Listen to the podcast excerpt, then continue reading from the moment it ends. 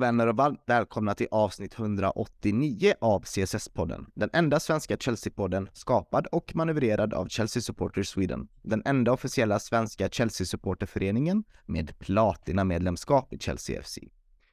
Mitt namn är Patrik Petko och jag är här tillsammans med en, eh, ja men du vet det är OG, 3-panelen mer eller mindre med en speciell gäst och den gästen kommer jag introducera alldeles strax in i podden. Um, vi har inte lika mycket att prata om som vi vanligtvis har, utan vi känner att vi, um, ja men vi ska snacka ner Wolves-matchen och det kommer ju bli jätteroligt det där. Uh, självklart. Och sen uh, Sen kommer vi att eh, gå igenom vår trupp lite, fokusera på lite lyssnarfrågor som vi har fått in till eh, oss i panelen och eh, vår kära gäst. Plus att blicka framåt mot Real Madrid och Champions League. Och vi kan ju börja med att introducera panelen då och eh, Viktor Lidvall, välkommen till eh, podden och det var kul att träffa dig för första gången i lördags, även fast eh, matchen inte gav oss något att eh, fira kring så var det i alla fall kul att eh, lära känna dig lite. Hur mår du? Ja, men jag känner detsamma. Tack för senast. Så att eh, jag är tillbaka i Kalmar nu efter en, en liten sväng i Borås, så att det är bara bra. Härligt! Och Fredrik Temmes, eh, du skrev ju en massiv införrapport inför den här matchen. Hur känner du att eh, den texten levde vidare in i matchen? Ja, det var ju kul att, att skriva texten inför, men att skriva texterna efteråt var inte fullt lika roligt med tanke på, på prestationer och resultatet. Så kan man säga. Det kan man lugnt säga, ja. Men välkommen eh, till podden till dig också och eh, till vår speciell till vår speciella gäst då, Makoto Asahara. Välkommen till eh, podden. Du är ju krönikör och reporter och även kommentator på Sportbladet och du är ju även med i um, Premier League-podden som Sportbladet driver samt att du uh, brukar ja, men hålla koll på liksom lite silly-nyheter överlag. Eh, kan du berätta lite mer om din roll på Sportbladet och eh, ja, men dina andra gärningar ute där i journalistiksfären? Eh, välkommen till podden! Stort tack till att börja med och du sammanfattar det ganska bra får man väl säga ändå hela det där man sysslar med. Men jag som sagt skriver och poddar och, och så vidare på Sportbladet och följer ju givetvis en hel del Premier League men även andra ligor och så. Och Chelsea har ju varit en klubb man har fått följa lite extra mycket den här säsongen för er del sannolikt av eh, mindre roliga skäl med tanke på kaoset som varit med tränarbyten och allt vad det varit. Men eh, ja, kul att vara här och kul att få vara med. Kul! Ja, ni hör ju, det här blir ett eh, häftigt program. Vi ska försöka hålla detta till ett kortare avsnitt eh, på cirka en timme. Vi ska se hur bra vi sköter det, men eh, vi kör igång på en gång.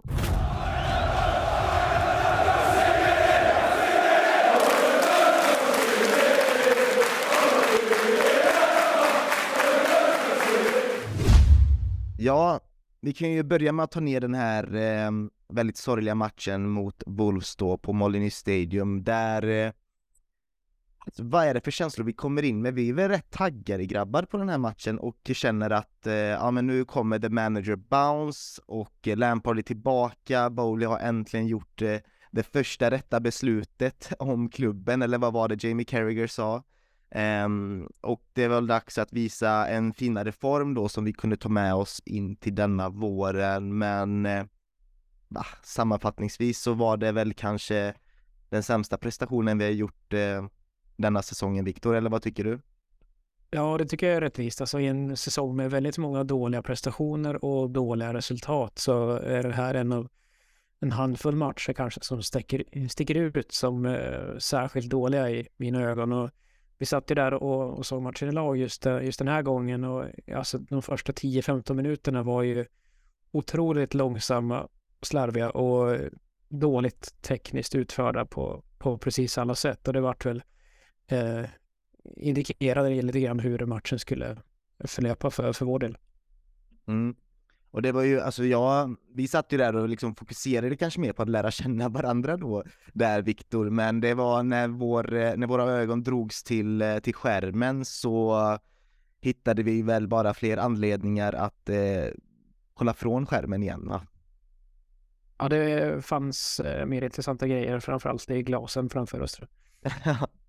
Men det är, det är ändå oroväckande på något sätt att vi kommer in med en sån här, att det, just runt supportrarna så fanns det ju ändå en viss eh, jag vet inte om du kände det Fredrik, men det var, vi, jag kände av det lite i podden med och i uppsnacket kring den här Wolves-matchen att det fanns en viss förväntan här eh, för vilken prestation laget kommer att visa upp och vilka, hur Lampard kommer att ställa upp laget. Men det var ju redan, började redan konstigt när vi fick se startelvan inför matchen, eller håller du med?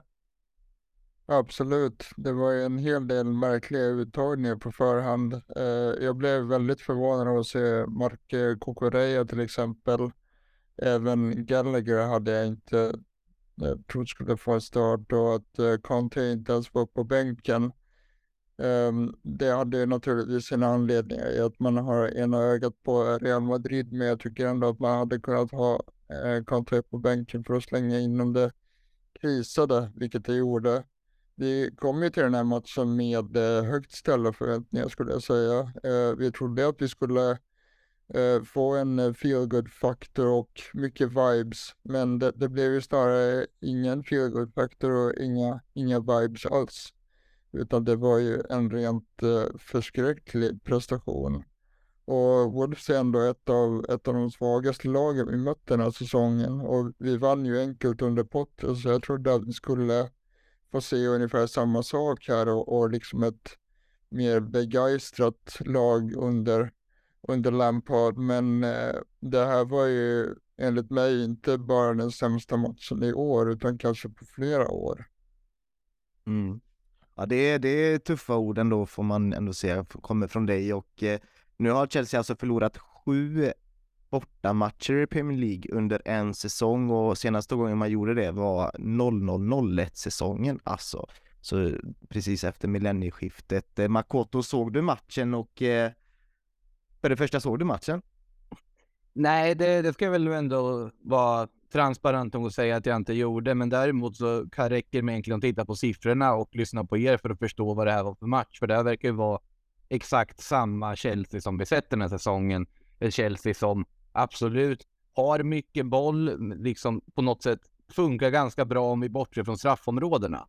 Men som har förvånansvärt svårt att ta sig till konkreta målchanser. Framförallt förvånansvärt svårt att göra mål.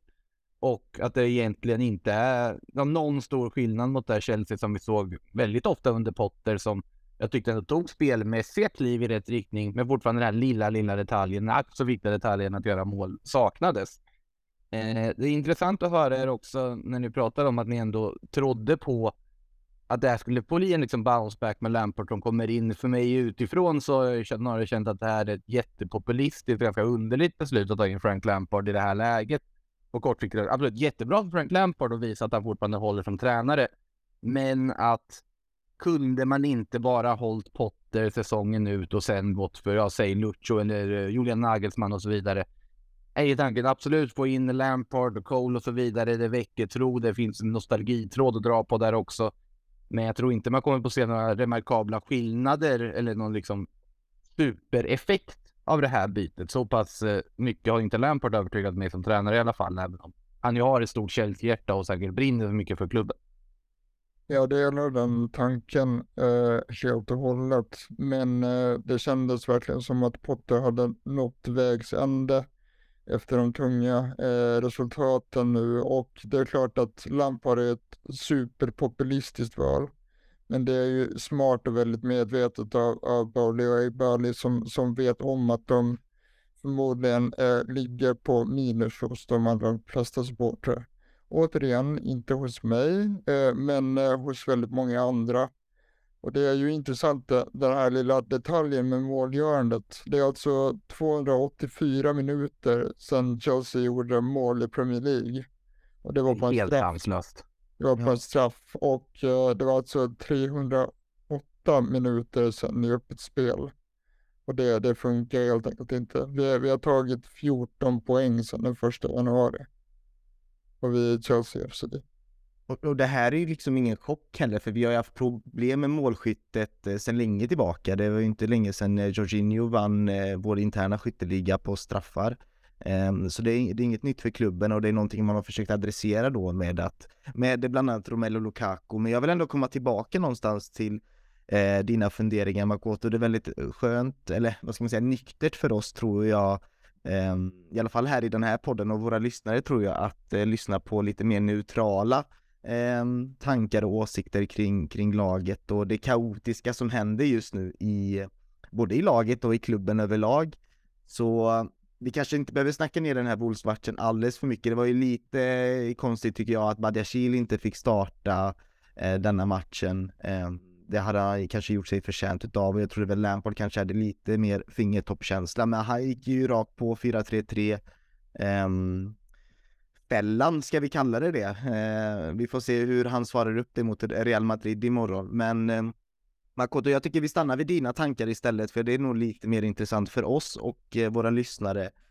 Du, eh, du, du befäster ändå det här att man borde köpa med Potter säsongen ut. Om jag frågar dig så, vad var det för element i det Potter hade visat upp sen han tog över klubben för sju månader sedan som gjorde, ja men som får dig att tänka så?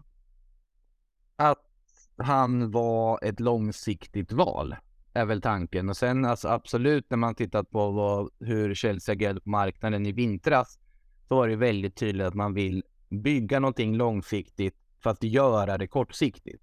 Du köper jättemycket spelare, sätter dem på långa kontrakt. Absolut, kontrakten har att göra med att komma, komma runt olika ekonomiska reglementen och så vidare också.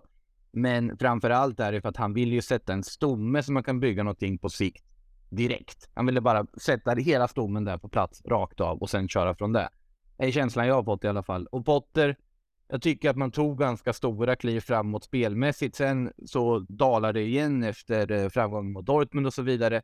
Och jag förstår ju varför han ryker. Sen är det ju tajmingen han ryker på, tycker jag är helt sanslös egentligen. Det känns reaktionärt efter den här villamatchen. Det kunde ha gjorts på ett mycket smidigare sätt. Och sen så tänkte man då direkt, ja ah, men okej, det är för att Julian Nagelsmann är klar. Det måste ju vara därför att man slår till nu för att locka en av Europas intressantaste tränare. Nej, ingen tränare är klar. Du har ingenting på plats när du gör det här draget. Och Bruno Saltor, gamla Almeria-backen, står plötsligt som tränare för Chelsea. Det är ju det är parodiskt.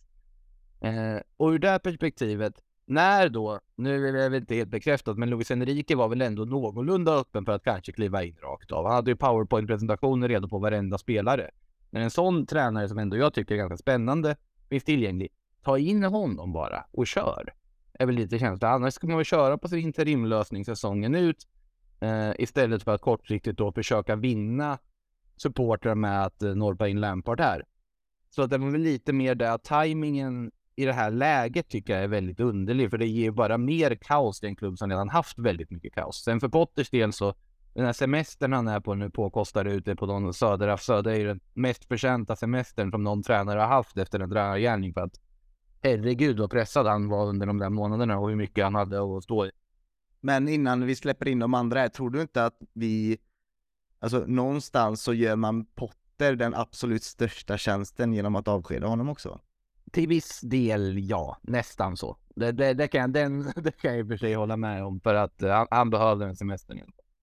Ja, men jag har varit eh, lite nyfiken på det här med, eh, så jag delar ju att det, det gjorde timing, att det är bara 11 matcher förutsatt att kanske Real går vinnande ur det här kvartsfinalmötet kvar av säsongen och att ja, det är inte så stor skillnad att kicka tränaren nu kanske. Men just angående Luis Enrique, är det något, någon tveksamhet hos dig Makoto just att han har varit borta så länge från klubblagsfotbollen? Eh, är det, borde man vara lite avigt inställd till en återkomst? Eh, inte den aspekten tycker jag. Då är det snarare eh, Luis Enriques personlighet och karisma som tränare, för han är ju han är ju lite skum som person, så man säger. Det är, det är lite Pep Guardiola-feeling på honom, inte bara för att de båda är spanjorer med Barcelona-kopplingar och att de vill spela en viss typ av fotboll, men på att de är ganska säregna i hur de agerar och så vidare. Och Luis Enrique kommer ju ställa krav. Han kommer att göra många underliga saker ifall han ska bli tränare för Chelsea.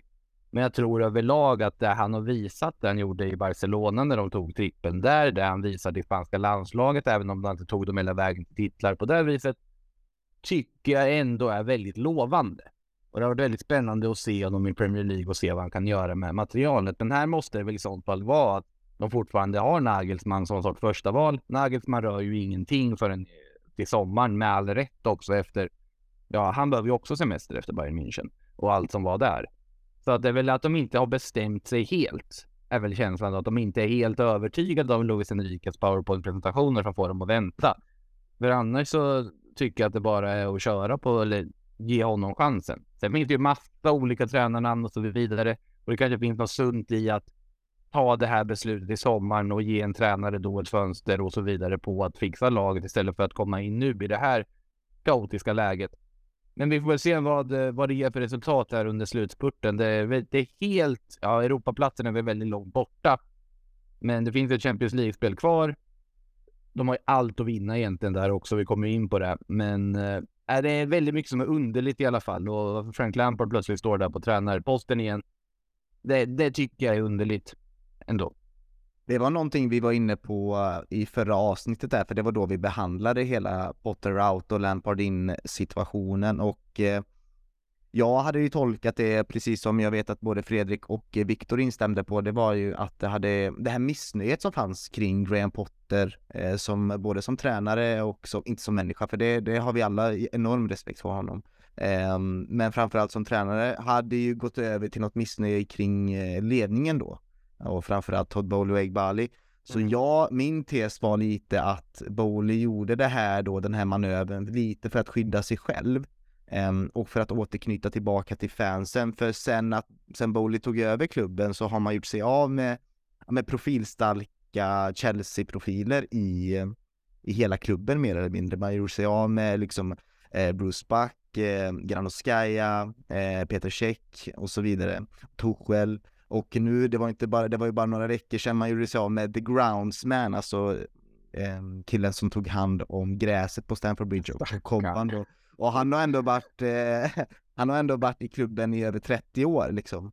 Eh, och du vet, man brukar ju säga att det är The Kitman och den som tar hand om planen som är någonstans själen tillsammans med någon som jobbar i köket då, som är själen i klubben. Eh, så det har varit väldigt många drastiska beslut som någonstans har urholkat själen i Chelsea Eh, de senaste månaderna. Så det här var väl lite kanske att återknyta till eh, ja, med Chelseas identitet och så. Därför vill jag säga att det var det rätta att göra då ur ett strategiskt eh, beslut någonstans. Um, nu, ska, nu ska man säga att det var en Elite Groundsman man tog in. Men uh, det, det, var inte, uh, inte det jag ville säga först, utan jag precis som du Marco, in, eh, Eh, inne på att man eh, lika gärna kunde plocka in den eh, långsiktiga tränaren direkt. Men det går ju att se det där på lite olika sätt. Vi har ju ett väldigt tufft spelschema kvar och man skulle kunna resonera så att säga att man skulle gå och förlora mot United, mot Arsenal och Newcastle, då, då jobbar den tränaren direkt i, i uppförsbacke. Mm. Så jag förstår beslutet på det sättet. Samtidigt så ger man sig också tiden att, uh, att göra ett, ett noga uttänkt uh, val, uh, vilket man ju inte gjorde när Potter kom in. Så man köper sig lite tid här att faktiskt sätta nästa tränare, för det, det måste uh, och Ebal göra. De har inte råd med ett misstag till. Men eh, ja, man kan se det på lite olika sätt som sagt. Och eh, ja, eh, man hade också kunnat se det på att ja, men nu kommer den nya tränaren in, har inte särskilt mycket att förlora och har tio, tio matcher på sig att göra en bedömning av truppen och komma, komma bättre förberedd till, till försäsongen. Ehm, personligen tror jag inte alls på, på Enrique. Ehm, dels som Chelsea-supporter så ser jag ju en problematik med hans uppenbara, uppenbara Barcelona-koppling. Ehm, sen så tycker jag att det har gjorts ett lite väl stort nummer av, av hans bedrifter i just Barcelona med tanke på materialet han hade och sen var han ju ingen höjdare i varken Roma eller eh, Celta Vigo. Sen så har han även en historik av irrationella laguttagningar med, eh, med eh, sina trupputtagningar i Spanien där han av ren princip vägrade ta ut eh, Real Madrid-spelare och sådär. Och personligen så eh, kan jag inte se att det blir något långsiktigt med, med Lucha. Eh, och jag tycker att även om vi behöver en elittränare nu så måste vi samtidigt eh, försöka sträva efter något nytt långsiktigt. Eh, med det sagt så ser jag ingen kandidat på marknaden nu som är klippt och skuren. Utan alla har sina respektive nackdelar och precis varenda möjlig tränare är ju en, en risk. Jag, jag, håller, jag håller Nagelsmann väldigt högt och ser honom som den, det optimala valet nu. Men eh, som sagt, med, även med honom så finns det risker. Mm. Ja, men jag förstår helt de farhågorna på Luis Enrique också. Det, det är nog många som delar dem. Jag tänker att sen absolut, det är ju smartare att ta ett beslut på så vis i sommaren och tänka igenom det ordentligt. Men då känns det som att det här med oväntade interimlösningar har ju funkat för Chelsea förr så att säga. Men jag tänker med Abraham Grant och Roberto Di Matteo och allt vad det har varit. Eh, så att kunde man inte låtit Bruno Saltoro, han såg ju otroligt redo ut där första matchen, Bruno Saltoro. Otroligt taggad på att plötsligt vara tränare för Chelsea. Kunde gett honom säsongen ut istället för att... Du tycker det? Ändå ja, men utan för, istället för att behöva ta ett... Alltså ta in Lampard så här och bara kasta om hej vilt. För Frank Lampard går in med intentionen att han inte bara ska vara kvar där ett halvår. Han vill ju göra det så pass bra att han får fortsätta. Och risken finns ju att han gör det så pass bra plötsligt då då kände jag, men vi kör väl vidare på Frank. Och då, då är vi tillbaka i samma, samma på ruta ett igen på något sätt. Så att, nej, men det, det är ju omöjligt att veta och det skulle inte förvåna om Chelsea plötsligt bara går, går hela vägen och vinner Champions League bara för att nu med Lampard. Så att ja, vi får se.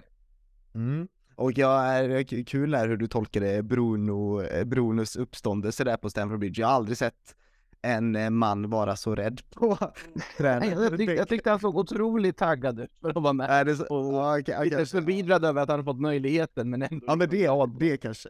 Alltså man, man, eh, man fick ju lite vibbar i Liverpool-matchen där och efter den att, att han inte ville ha rollen egentligen. Och det, det fanns ju även en del trovärdiga rapporter som pekade på det. Så jag, jag tror egentligen att han bara blev satt där som någon slags uh, omedelbar placeholder. Uh, och, och sen, sen, hade man kunnat ta olika vägar därifrån. Men uh, jag tror inte att det hade varit hållbart att ha honom kvar. speciellt med tanke på hans kopplingar till Potter-eran. Ehm, och han, eh, han yttrade till och med de här bevingade orden “The boys gave everything” som ju har blivit en slags meme, eh, även han. Så att eh, jag tror ändå att man behövde någonting annat och alltjämt så eh, med Lampards taktiska brister och sådär så, så tror jag alltjämt att vi har en lite bättre chans med honom eh, mot eh, Real än med Bruno Saltor. Jag tänker att vi avslutar där, nu blev det inget Wolves-snack men det var lika bra för det fanns ju inget roligt att prata om där ändå. Ehm, jag känner att vi ehm, eh, ska avsluta detta segmentet innan vi går in på truppen här grabbar eh, och eh, dissekera den lite, så vill jag ändå avsluta någonstans med ja, men Makotos eh, generella tankar kring den nuvarande situationen och liksom försöka själv med sina egna ord eh, gör en liten minikrönika här och sammanfattar Chelseas säsong. För någonstans, men alltså förutsättningarna någonstans är väl också att eh, vi måste komma ihåg att den här Graham Potter-anställningen var ju gjord utav Bowley och Egbali. Den var inte gjord utav någon eh, teknisk direktör som Paul Winstanley eller mm. Christopher Vivell på något sätt, utan den var ju... Eller James Corden. Ja, precis. Ja oh, shit, oh, den, det, det ska vi... Nej, det kan ju inte stämma helt enkelt. Det stämmer inte. Men att det, ens, att det ens finns rykten om den tycker jag säger en hel del och att det finns folk som tror på det eh, säger också en hel del. Att man inte direkt viftar bort det liksom. Ja, det kan vara. Det kan. Ja. Men det, det är verkligen för att, och det säger ju väldigt mycket om, om det här Chelsea just nu, för det är ju en ägare som har famlat. Så är det ju. En ägare som egentligen gjorde sin första stora miss. Ja, det går ju att argumentera för att ja, man skulle betala de pengar man gjorde för Kolibali och så vidare. Men vem hade kunnat förutse att Kolibali skulle tappa så mycket kvalitet efter det han har gjort innan? Det var väldigt få som kunde se det här på förhand tror jag. Mm. Eh, och så vidare. Det finns ju många värvningar som går att ifrågasätta i efterhand. Marco Cucurella, alla fattade att det var ett överpris, men att han inte skulle, man trodde ju ändå att han skulle funka ganska bra i Chelsea. Det har han ju inte gjort på det sättet man kanske trodde. Eh, och så vidare. Men eh, när man då kör ett fönster rakt av där Thomas Tuchel ändå har ganska mycket att säga till om, väljer att sparka honom en vecka efter fönstret stängt. Där någonstans så går ju allting utför. Och sen när spelet på plan inte funkar, när resultaten inte kommer och Potter inte får det att lyfta, ja, så har vi ju hamnat här någonstans. Och det är väldigt svårt att sammanfatta hela säsongen på något sätt, förutom att det har varit ett enda stort kaos. Det är ju där det har varit. Och sen är frågan, hur mycket har de tänkt att investera i truppen till nästa säsong? De har redan gjort ganska extrema investeringar i den här truppen. Det borde inte behöva göra så många fler investeringar, men faktum är att de fortfarande behöver en målgörare av rang. De behöver fortfarande kanske ytterligare någon innermittfältare. Eh, det finns många positioner det går att argumentera för att de behöver förstärka.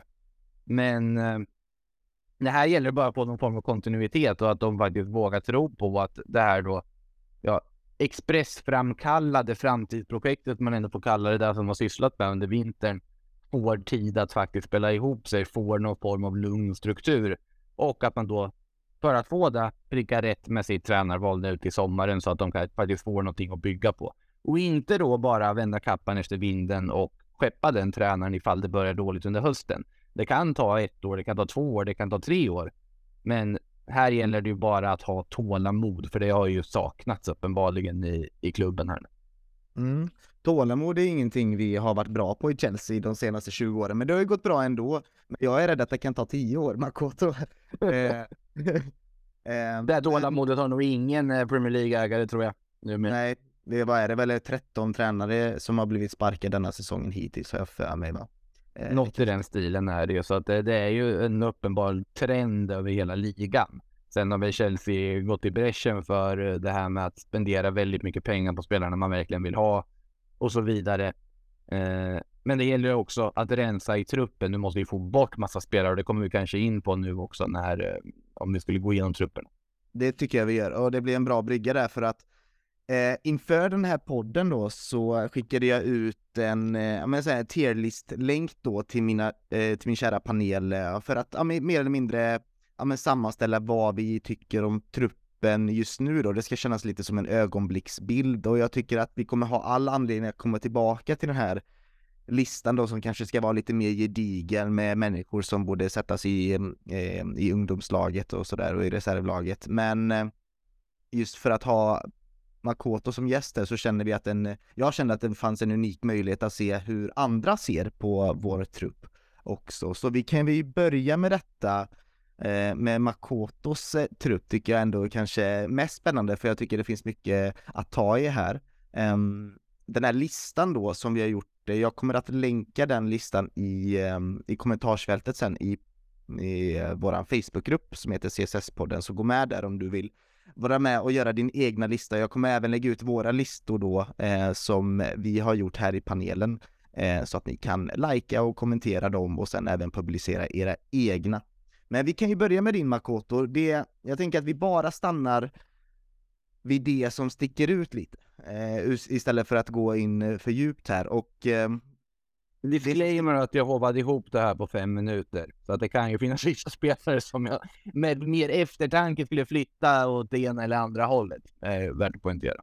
Ja, ja, men jag, jag är lite svag för sensationsjournalistik så jag säger att det här... Det borde jag också vara i och för sig. Att jag...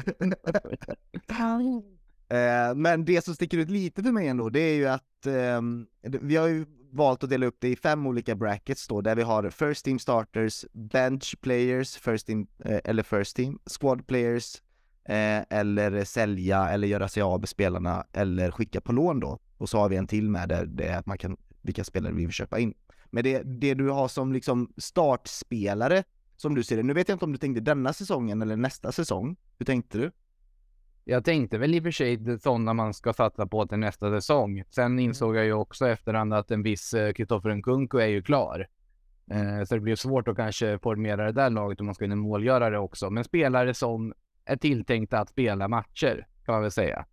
Mm. Och nu var det ungefär det mindsetet eh, en annan hade när man fyllde i eh, min lista också. Så att, yes. Ja men precis. Ja, vi, det var inte någonting jag sa till er, men det var, jag tänkte inför nästa säsong självklart. Eh, men det, det som sticker ut då är alltså att Kepa Arrizabalaga, Jao Felix och Kai Havertz har du som, eh, ja men någon, någon, tre spelare som ska tillhöra liksom core-gruppen i, eh, i framtiden för Chelsea.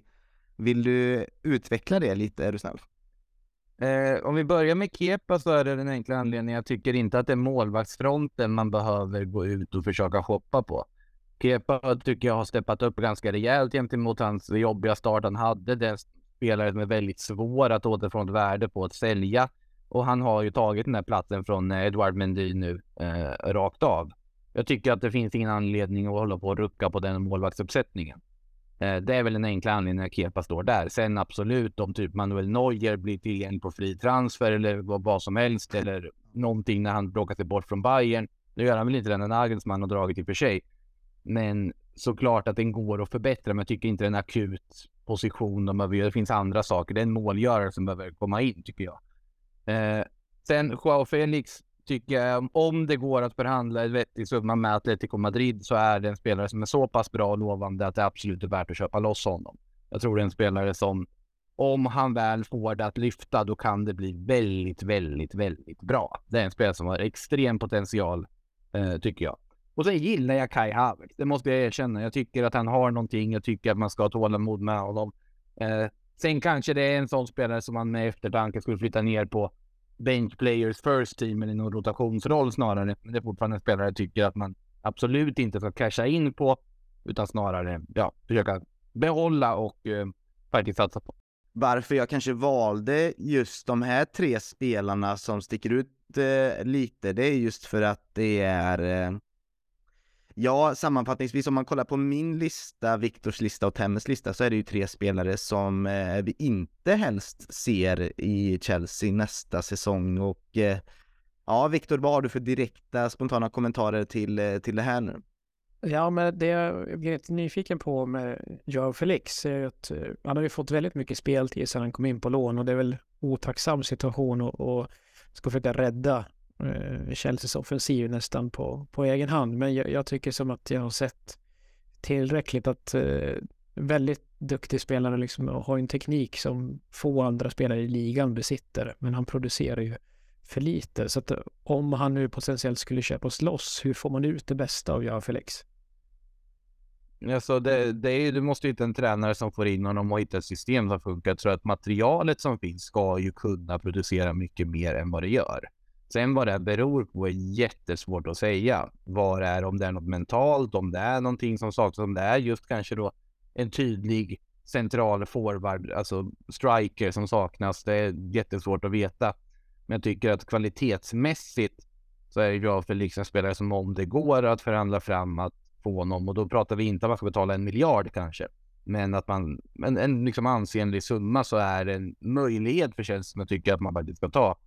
Eh, Sen, du behöver ju en ganska rejäl bredd överlag i en trupp för att eh, komma långt och gå vidare och så vidare i alla turneringar och eh, ur det här perspektivet tycker jag både Johan Felix och Kai Havertz är spelare som är bra, alltså skickliga nog, lovande nog för att faktiskt våga satsa på. Jag hade gärna eh, värvat eh, Felix, men eh, inte för de summor som nämns. Eh, det vore helt enkelt inte god ekonomisk hushållning i det här läget med tanke på det vi redan har spenderat.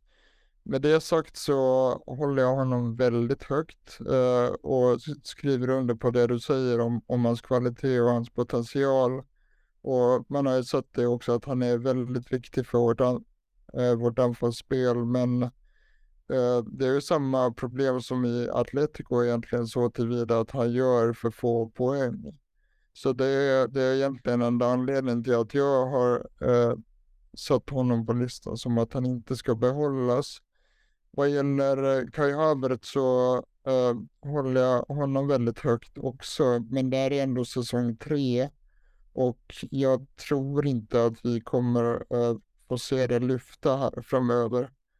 Eh, men man kan ju se sjutton på att han kommer vakna när han hör eh, Champions League-hymnen imorgon. För det, det är också en tendens som vi har sett eh, med honom att han eh, presterar riktigt typ bra i de stora matcherna men eh, eh, mot Wolves i, i ett mittenmöte en vanlig lördag så, så ser han ju tyvärr bedrövlig ut. För jag, jag gillar Kai Havertz som spelare, men jag, jag tror att, att han behöver ett miljöombyte för att komma ut till den världsklasspelare som jag tror procent bor i honom. Eh, så vill jag också sti eh, sticka in det att jag håller inte med om Kepa. Eh, för ja, han har spelat upp sig, han har på det stora hela gjort en bra säsong, men jag tycker ändå att han har för många tavlor i sig och eh, blottar de brister som gör att han inte kan vara vår givna etta eh, på, på förhand. Så jag, jag, eller på lång sikt, så jag, jag tycker att vi, vi behöver värva eh, en, en målskytt som du säger. Och vi behöver en eller kanske två defensiva mittfältare och vi behöver en ny målvakt. I alla fall så, så jag ser på det. Jag tänker i målvaktsmässigt så Eduard Mendy värvades väl också lite inför att just täcka för Kepa. Då var ju Kepa i och för sig katastrofal i början. Men där har du ju också en målvakt som absolut han tappade i nivå, men nivån han hade innan var ju extremt hög. Och där är ju frågan då om de två kan liksom konkurrera och lyfta varandra på sikt. För att det är också två målvakter som du på något sätt, eller åtminstone någon av dem som du måste bli av med på något sätt ifall du värvar in en ny. Och det tror inte jag är helt lätt att lyckas med. Eh, så det är väl ur den perspektivet också, även om jag såklart vet att det finns ju bättre målvakter där ute att eh, få tag i om det möjligheten skulle dyka upp. Jag tänker, som sagt, vi har värvat väldigt många spelare redan och eh, alla är medvetna om att Chelsea behöver rensa ut också de spelare man inte vill ha. Och i den här kategorin att sälja eller att inte förlänga mer så har du Makoto placerat eh, Pulisic, Ziyech och Gallagher bland andra. Eh, och när, som sagt, den här svängdes väl ihop ganska snabbt. Men eh, finns det några spelare som du tror att Chelsea kan hitta köpare för i sommar? Det, det är ju där problematiken ligger för väldigt många toppklubbar. För att spelare har värvats väldigt mycket pengar. Man vill ju på något sätt ändå få någon form av ekonomisk vinst på det och många av de här spelarna är sådana som att du kommer kunna låna ut dem. Det kommer att vara förlängda farväl hela vägen i deras kontraktslut, att du hyr ut dem säsong efter säsong och vi ser ju den tendensen jättemånga klubbar idag. Och Ziyech, där hur man inte kunde lyckas få igenom den där flytten till PSG, det, det ska ju, det jag förstår inte riktigt. Jag förstår att Ziyech blev så arg som han blev. Sen var det ju väldigt fascinerande när han plötsligt blev inkastad i värmen igen och skulle börja starta matcher som en sorts eh, kompensation för haveriet vid deadline day. Eh, men det är en spelare som han har gjort sitt i Chelsea. Jag tycker samma gäller Pulisic egentligen också när du har värvat så många yttrar som du gjort. Om du lagt de pengarna du gjort på Mikhailo Mudryk, om du lagt de pengarna du gjort på Nonni Madueke, då måste ju de ha någon form av möjlighet till speltid åtminstone. Och därav att Pulisic går det att hitta köpare för det finns lag som är intresserade av honom. Eh, Gallagher samma sak om du säljer inom Premier League. Eh, så det är spelare man tror man kan bli av med om man vill. Sen beror det ju på hur mycket pengar man kräver och så vidare och vad spelaren själv vill såklart. Men det här förutsätter, att göra sig av med Gallagher förutsätter också att du tar in en ny mittfältare givetvis för att mittfältpositionen är ju tunn som den är.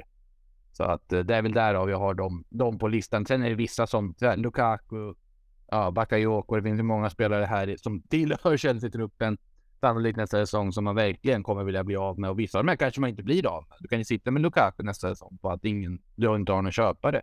Och det är ju också en aspekt att förhålla sig till för att det går ju inte att ha en trupp på 30 pers igen nästa säsong också för det är i sig ett problem. Mm.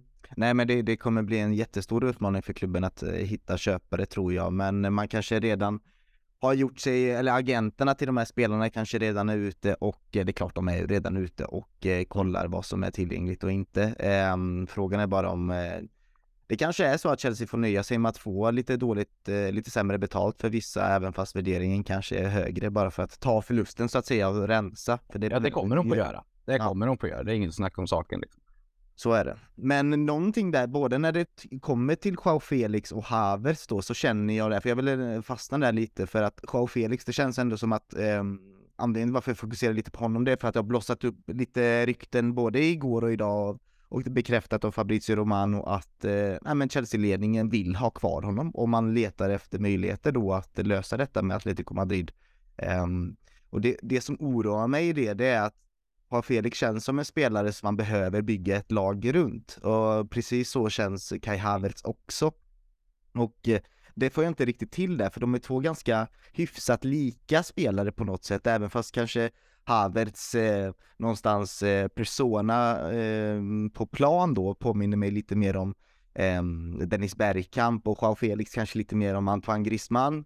Så, eh, så är det liksom, det är inga direkta målgörare vi behöver och när vi pratar målgörare där ute i världen Makoto, då är det namnet som ja men liksom är på allas läppar nu, det är ändå Victor Osimhen. Men eh, Obi Mikkel sa nu senast i en intervju här som han var med i eh, i Dubai Eye, ett radioprogram nere i Dubai. Eh, mycket bra, kolla på det på Youtube om ni inte har kollat eller lyssnat på det, tycker jag, kära lyssnare.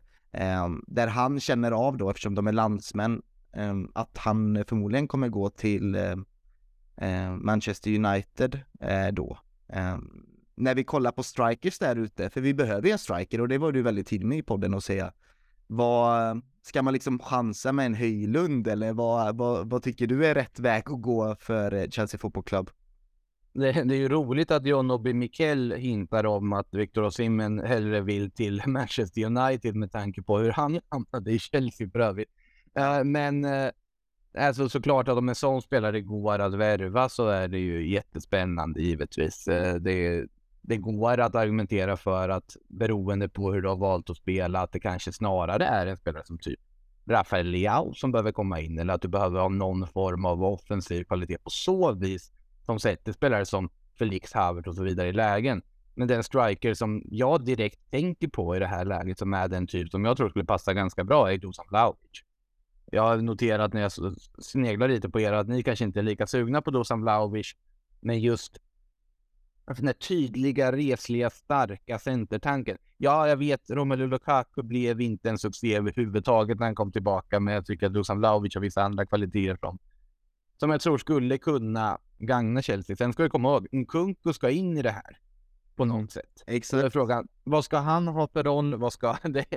Och det där beror ju helt på vem kommer in som tränare. Det är det första som måste avslutas. Vem kommer in som tränare? Vad vill han spela för fotboll? Hur ska han använda Felix? Hur ska han använda Havert? Hur ska han använda Nkunku? Allt det här avgör ju vilken typ av striker som är vettigast. Det kanske till och med är så att man ska ha en liksom Olivier Giroud-typ. Som, ja, som absolut inte är något flashigt namn, men som ja. länkar väldigt bra med resten för att sätta de andra i bra lägen och så vidare. För att såklart att absolut, han har inte gjort jättemycket poäng hittills, men Joao Felix kan absolut komma igång med poängproduktion om han väl hittar rätt. Det är helt övertygad om. Nu är det inte riktigt samma sak, men titta på Cristiano Ronaldo under hans första år i Manchester United i början. Då var ju hans svaghet att han inte riktigt gjorde så mycket mål. Det var ju därför var problemet med honom. Han blev en ganska bra målskytt i slutändan. Nu har ju Felix haft mycket längre tid i toppfotbollen och, och utveckla den sidan av sitt spel.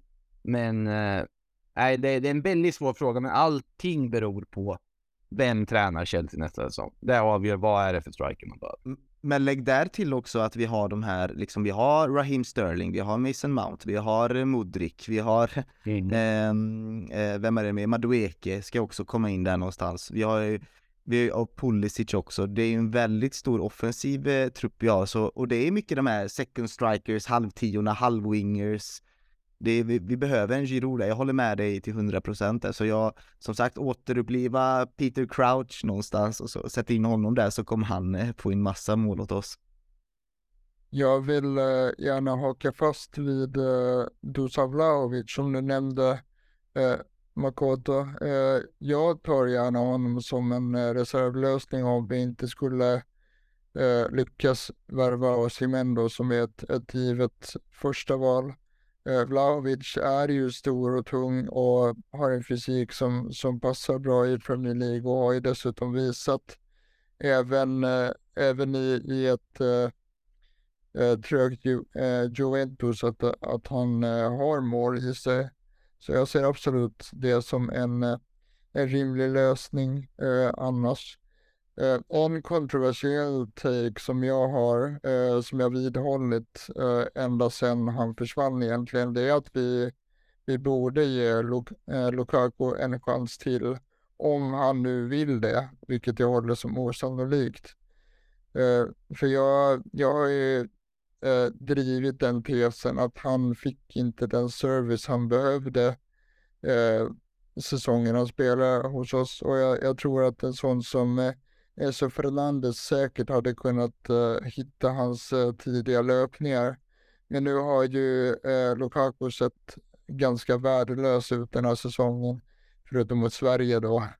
Men eh, eh, och jag tror inte att han eh, vill tillbaka. Men jag hade inte, hade inte stängt den dörren heller om det visar sig att vi inte kan, kan få in en eh, toppklass striker. För jag, jag tror inte på en på en sån uh, spelare som Höjlund till exempel, utan det, det vi behöver nu är en, uh, en striker med, uh, med näsa för, för mål och rutin.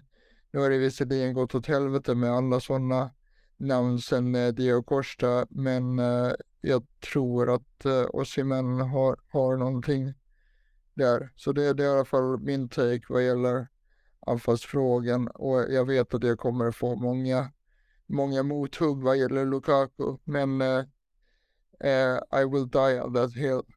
jag hade hållit med om Lukaku, ja, egentligen fram till den där Sky Italia-intervjun. Eh, för där på något sätt så började ju han gräva sin egen grav i Chelsea, för det, det var ju något av det sanslösaste som har hänt i intervjuväg. Men ja, det var ju så underligt då att det, det som Inter gjorde rätt när han var där och var så bra, alltså inte nu utan förra sessionen, var ju att de använde alla Lukakos kvaliteter, inte bara såg honom som en murbräckare och sätter längst fram på topp som ska hamna felvänd.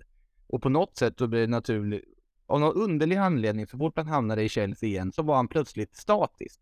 Lukaku är en spelare som är dynamisk, som är otroligt smart i, i liksom spelet, i uppbyggnaden, i att hitta rätt lägen, ta ut löpningarna som du nämner också. Så jag håller helt med om att det finns mycket mer potential. Sen det han har visat med skadehistoriken och allting i Inter, andra vändan talar ju emot det. Men absolut så köper jag ju tanken på att det finns mer att hämta av Lukaku och han kan vara en nyttig forward för Chelsea. Så att om det är så att man inte kan bli av med honom, då har du inte så mycket val. Ge honom en chans till då. För att det är ju fortfarande en forward som, som har ett eh, renommé av att göra mycket mål. Precis, och det hade varit skönt att bryta den här trenden att bara köpa ung potential och ja, men köpa etablerade anfallare och liksom punga ut de extra pengarna då, för det är till slut målen vi behöver. Men grabbar, jag känner att tiden springer iväg här och vi kommer hitta all eh, anledning att komma tillbaka till det här truppbygget, det här dysfunktionella truppbygget eh, som det ändå är, tycker jag.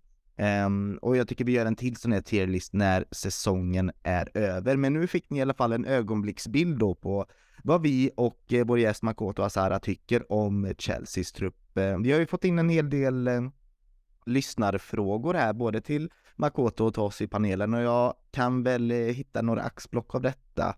Eh, alltså jag tycker vi börjar med Rickard, Rickard Davins eh, fråga här. Han eh, det är lite roligt den här frågan tycker jag, så jag tycker vi börjar med denna och den är till dig Makoto.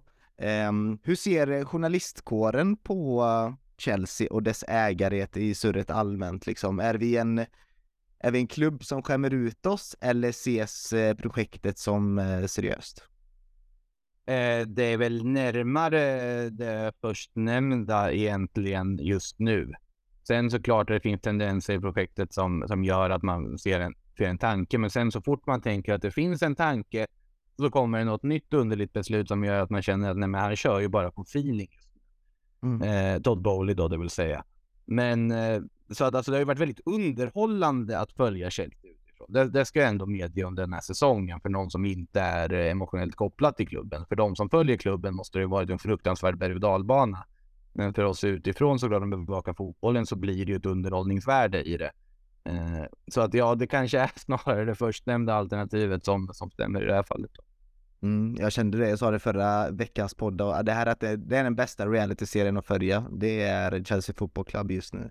Ehm, och var det du eller eh, du Viktor eller Fredrik som sa att ah, tänk om de hade spelat in Amazon, eh, den här Amazon-serien för oss denna säsongen. Det hade varit en riktig box office alltså. Ehm, det tror jag, de hade fått många nya abonnenter på grund av det. Men eh, vi går vidare till nästa fråga och det här är väl riktad, eh, ja men till oss alla kanske.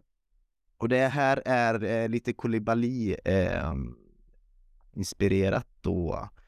Ehm, Samuel Sa eh, undrar om vi borde kanske spela Kolibali som ehm, i mitten utav de här tre mittbackarna då. Ehm, istället för att sitta på vänster då, alltså den här Kokorea-positionen eller den gamla Tony Rudiger-positionen som han spelar nu för närvarande. Hade, tycker ni verkligen att eh, Koulibaly hade klarat av att spela liksom centertank eller libero för oss eh, eh, eh, över längre tid? Det, jag tror inte det. Vad, vi kan ju släppa in Viktor. Eh, vad tycker du om Koulibalys kvalitet på den positionen? Jag, jag tror Samuels fråga är lite grann formulerad som en lösning på vårt eh, bristande målskytte. Att han vill se eh, Koulibaly på topp. Eh, det är i alla fall lite så jag tolkar den och eh, ja, det, det, jag förstår att man är lite... Jaha, ja det, det var jag som feltolkade den frågan då.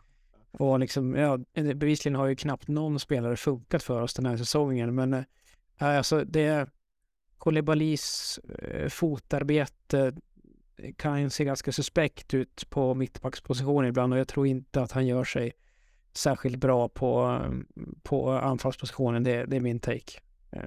Men det hade varit ett intressant experiment. Jag tror inte heller att han skulle göra det särskilt bra där och en sån okonventionell lösning tror jag inte man, man uh, tänker sig ens. Uh, vi har ju diskuterat det tidigare. Uh, jag tror inte vi har gjort det i den här konstellationen, men i alla fall på, på Twitter förra säsongen så, så fanns det ju förslag om att man skulle ha Marcus Alonso som, som centerforward och det, det, det fanns väl en viss logik i det med tanke på hans hans målskytte och sådär. Men, eh, jag tror inte att, eh, att den Koulibaly-lösningen är påtänkt inom, inom Chelsea-ledningen. Det, det, är helt enkelt för, för outspacet för, för att se det. Um, lite tveksam till om han skulle pytsa in några mål, men han har ju, han har ju bra teknik och onekligen fysik så att i en, i en fantasivärld kanske, men uh, nej, jag tror inte att det är en lösning som man sitter och funderar på. Du får ursäkta. Vad hade Datro för fan ha tänkt? jag känner liksom lite så här om ja, eller på topp. Den enda back som är på något sätt någorlunda tänkbar gå upp i ett anfall och göra det bra i Chelsea är väl Reece James med tanke på att han har det bästa avslutet, liksom avslutsfoten i hela laget. Eller? Men det känns ju eller som att det också är slöseri på med tanke på hur bra han är på kanten också. Men det, där har du någon som faktiskt skulle göra mål för herregud vilket bra tillslag den karln har. Ja, och jag tycker det är bara, det är symptomatiskt att vi sitter och pratar om mittbackar som ska upp, alltså det, ja vi har problem med målskyltet helt enkelt, ja. Och jag, jag, Ja, jag, jag tror jag valde att inte se det på det sättet utan att spela hans center på en backlinje men min läsförståelse var inte den bästa i eh, denna eftermiddag så det ber jag om ursäkt om Samuel men du eh, fick svar på din fråga i alla fall. Um, och Makoto, det finns ju faktiskt en till anledning till varför du är med i dagens avsnitt och det är ju faktiskt för att du är Real Madrid-supporter, visst är du? Ja, den som vet, den vet brukar jag väl säga. Ja. man bevakar. Men eh, det, har, ja, det är ett lag jag har följt väldigt mycket i alla fall. Så, så kan man väl säga. Så kan man säga. Ja men snyggt. Eh, opartiskt och snyggt. Men eh, Daniel Joanno då frågar, alltså ordförande för föreningen, han frågar vad är din take på Eden Hazard? Eh, vad har hänt och finns det någon väg tillbaka in i värmen undrar han. Real Madrid köpte väl Eden Hazard ungefär som att i ett läge ungefär som att köpa en aktie när den ligger som allra högst. Eh, när den bara är på väg att börja dala. För det är ju där, de köpte honom precis i den gränsen. Där en spelare som är den Hazard som, ja, enligt många vittnesmål från omklädningsrum och så vidare, inte kanske var, är den som har lagt ner allra mest hårt arbete på träningsplanen genom åren. Eh, en spelare som les väldigt mycket på sin talang, en otrolig talang. Han är ju en fantastisk bollkonstnär och var fantastisk under alla sina år i Chelsea. Men att man köpte honom i helt fel läge och att det helt enkelt ja, bara blev ett fiasko av det på det här viset. Det är ju en av Real Madrids absolut sämsta värvningar genom tiderna. Eh, det var ju kul ändå att se honom dyka upp från ingenstans ut ur frysboxen och in i ett inhopp här relativt nyligen. Han till och med gjorde en assist också när han kom in. Eh, och han säger ju själv att ja, men nästa år, nästa år och verkar inte ha jättebråttom från Real Madrid, men han det fick vi noll förtroende från tränarhåll, nästan lite för lågt förtroende kan jag känna med tanke på att det är en spelare som har vissa kvaliteter som, som vi alla vet. Eh, tycker jag kanske borde få lite fler chanser än vad han faktiskt fått eh, efter skadorna och så vidare. Men det är ju en spelare som Real Madrid, om de kan bli av med honom, som kommer de göra sig av med honom. Och det, det är sorgligt, tycker jag, med tanke på vilken kvalitetsspelare som det faktiskt var en gång i tiden. Jag tänkte flika in med en fråga här, agera lyssnare, men jag läste en trevlig intervju här i Sportbladet med Maika Hamano för några veckor sedan.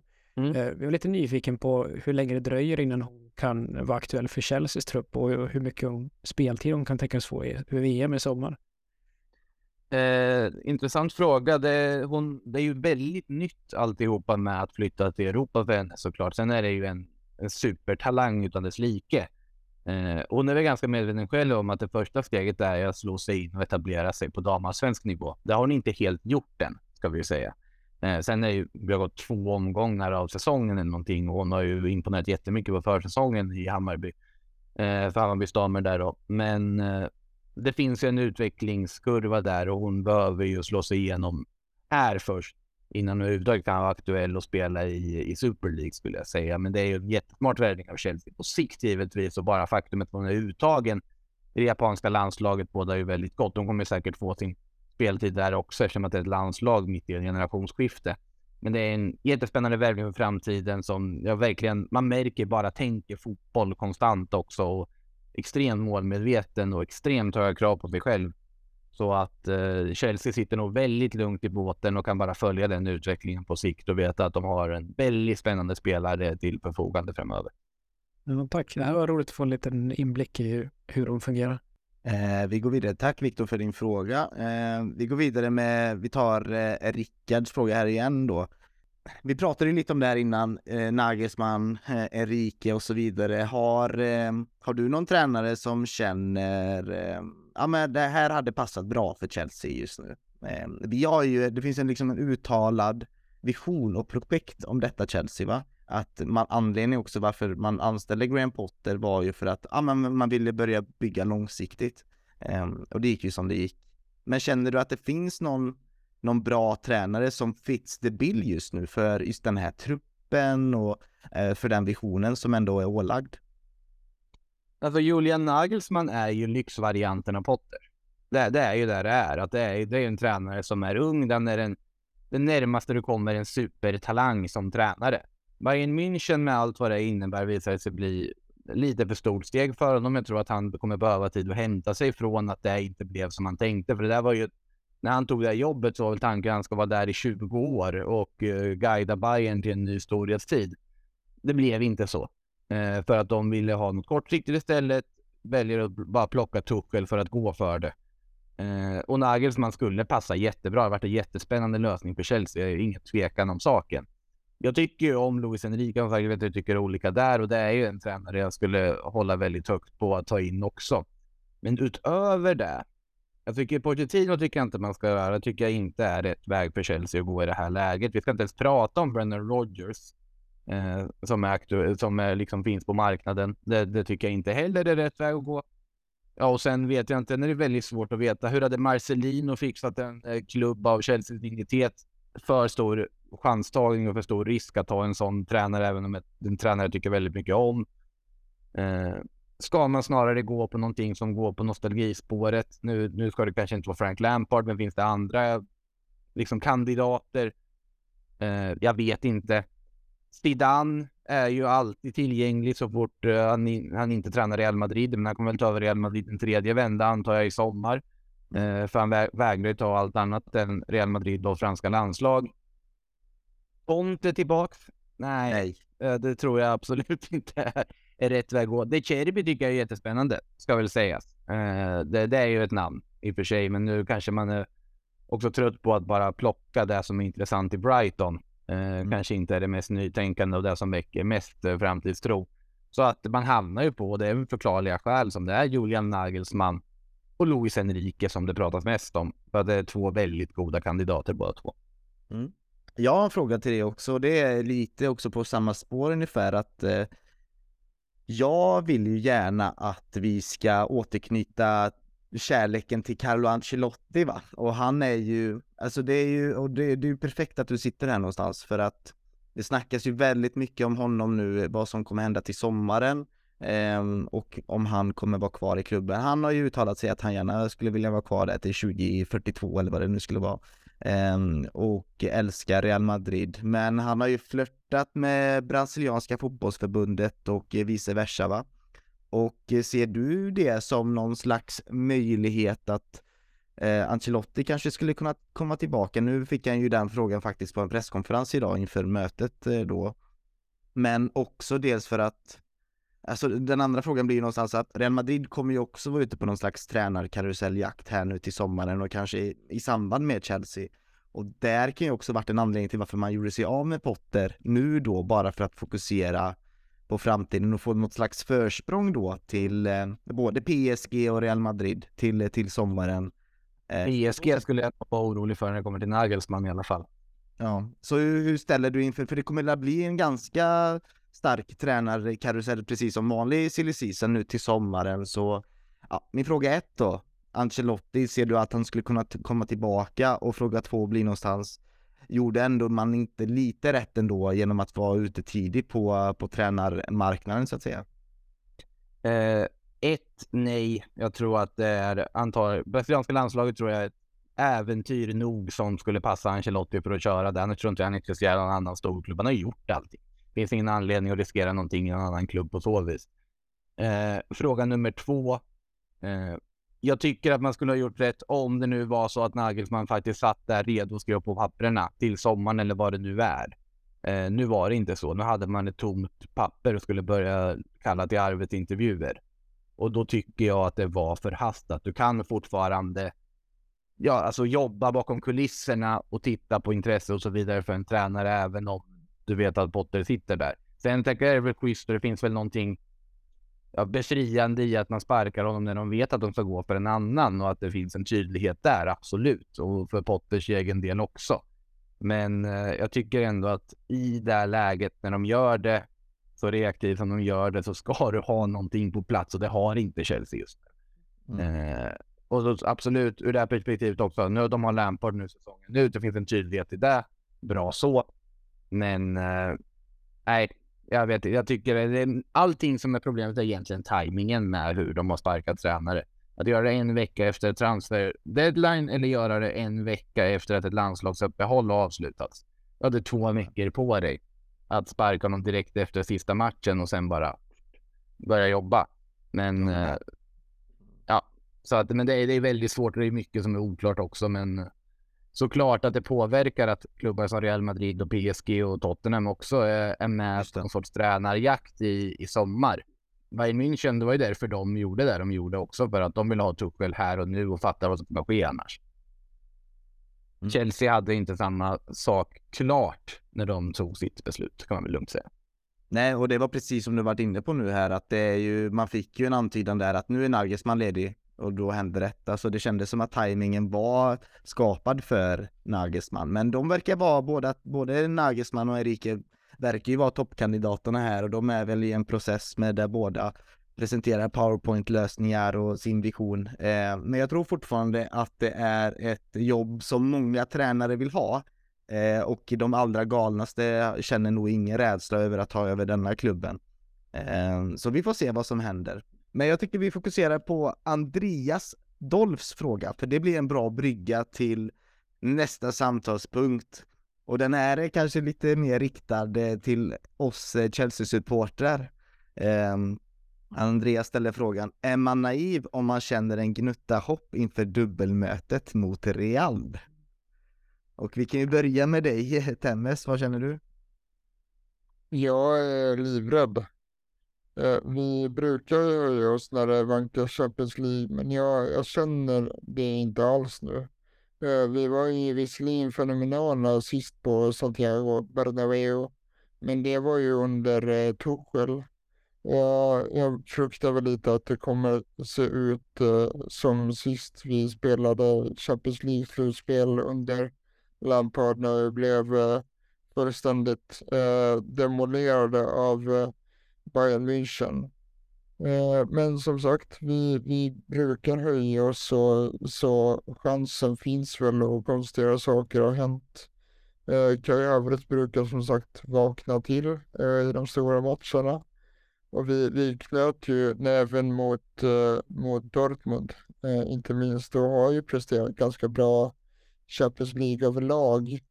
Så helt omöjligt är det väl inte, men jag ser chanserna som väldigt, väldigt små. Och eh, om jag vore Ancelotti och hans eh, trupp så, så eh, skulle jag vara väldigt eh, segerviss eh, inför, inför det här mötet. Och, och nyckeln är väl egentligen att vi håller eh, dubbelmötet levande tills eh, eh returen på Stafford Bridge.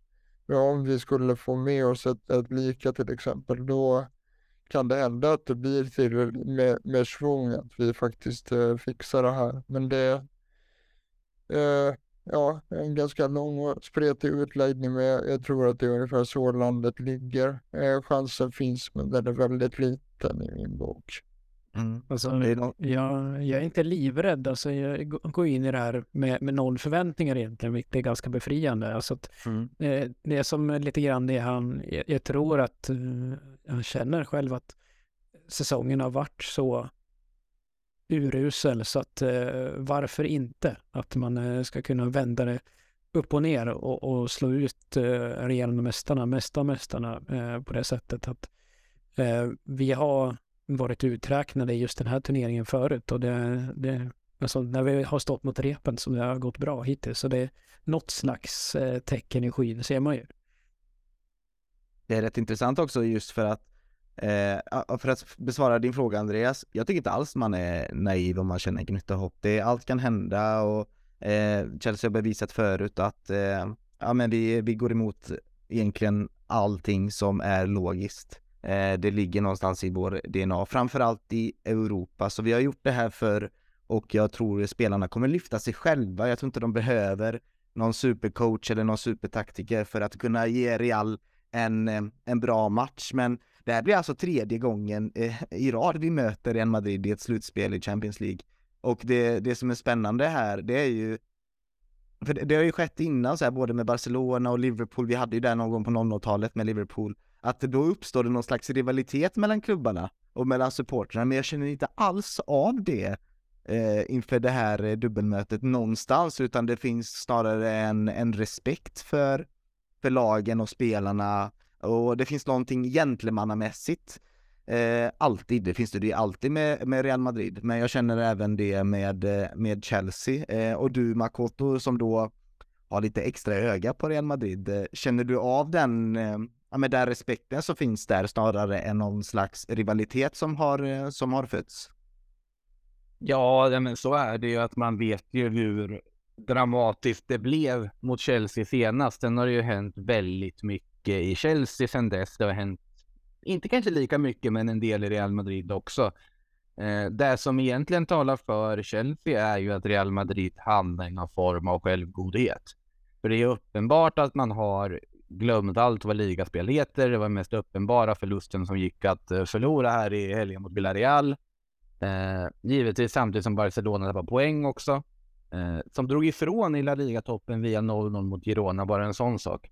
Men, eh, men det här är ju på något sätt, det är ju Champions League. Om, om vi pratar om att Kai Havertz och sådana lyfter när Champions League-hymnen drar igång. Real Madrid-spelarna, de, det är ju mer eller mindre deras inmarschlåt för att börja göra någonting vettigt. Och det har vi ju sett så många gånger förr i den här turneringen. Att de, de lyfter sig på ett vis som är väldigt svårt att beskriva. Det gjorde de hela vägen under våren till en, ja, en Champions League-titel de tog trots att de blivit utspelade 80 procent av hela det här slutspelet. De var utspelade mot PSG, fullkomligt utspelade i andra halvan där mot Chelsea. De var helt utspelade i 95 procent av dubbelmötet mot Manchester City men lyckas ändå ta sig vidare. Ja, till viss del utspelade mot Liverpool i finalen också. Eh, men, men de vinner ändå. Och det är väl det som på något sätt talar för Real Madrid här. Eh, att de alltid löser det. Sen också, det är ju en väldigt stor, det är inte Chelsea som på något sätt har några förväntningar att lösa det här och det talar ju för Chelsea. För att Real Madrid lyfter sig när de har Alltså ryggen mot repen så att säga. Och det, det, har de inte i det här läget. De har snarare allting att förlora. Ja, de är i Copa del Rey-final, de är ja, kvinnorna i ligan, men det är Champions League som man återigen går för, för att ta den femtonde titeln. Och den pressen, hur man hanterar den om de inte får, om det inte går som de vill, om Chelsea kan chocka dem, det tror jag absolut att Chelsea har möjlighet att göra. Så jag skulle inte säga heller på svar på lyssnarfrågan att det är något sätt naivt att tro på att det skulle kunna hända någonting. Såklart att det kan göra det. Chelsea har kvaliteten på sina spelare för att kunna störa Real Madrid med vissa defensiva brister och annat. Om du, jag skulle ju säga så här, kasta in en spelare som Mudryk på den där vänsterkanten och låt honom köra fritt mot Carvajal. Då kan det bli ganska roligt för Chelsea kan jag säga med tanke på hur den högerbackspositionen sett ut för Real Madrid sista tid. Mm. det finns jättemöjligheter. Även ja. Real Madrid såklart är jättefavoriter på förhand också med tanke på ja, allt vad, vad det innebär. Mm. Vi ska dyka in djupare in i detta dubbelmöte och framförallt in i Real Madrid. Så häng kvar.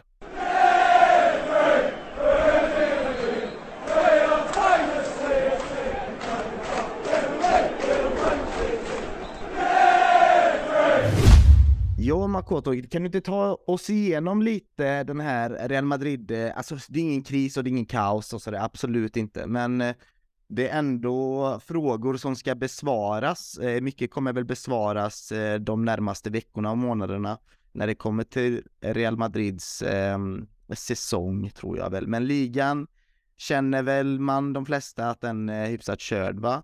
Eh, men eh, kan du ge oss en, liksom en överblicksbild över Real Madrids säsong eh, hittills då och eh, som jag kände att man var lite halvfavoriter i för man visste ju inte riktigt om Xavi hade fått koll på sina katalaner där borta.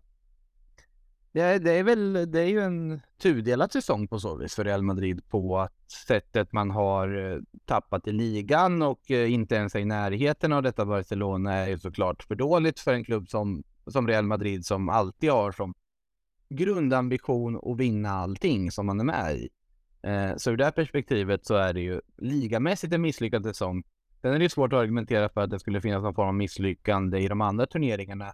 Du är vidare till en Copa del Rey-final för första gången på, vad blir det, åtta år? Nej, nio år till och med tror jag. Oj då. Eh, och dessutom då vidare Champions League avfärdar Liverpool eh, nästan liksom oförskämt enkelt, måste vara detta Liverpool. Eh, och, och, gör det du ska där. Sen är det väldigt svårt att veta, finns det samma magi över det här Real Madrid som det fanns förra säsongen? Tveksamt om det gör det på samma vis. Jag tror inte vi kommer få se något lag göra det som Real Madrid gjorde under den där våren förra året eh, och gå vidare på det sättet med de mirakelvändningarna som de gjorde.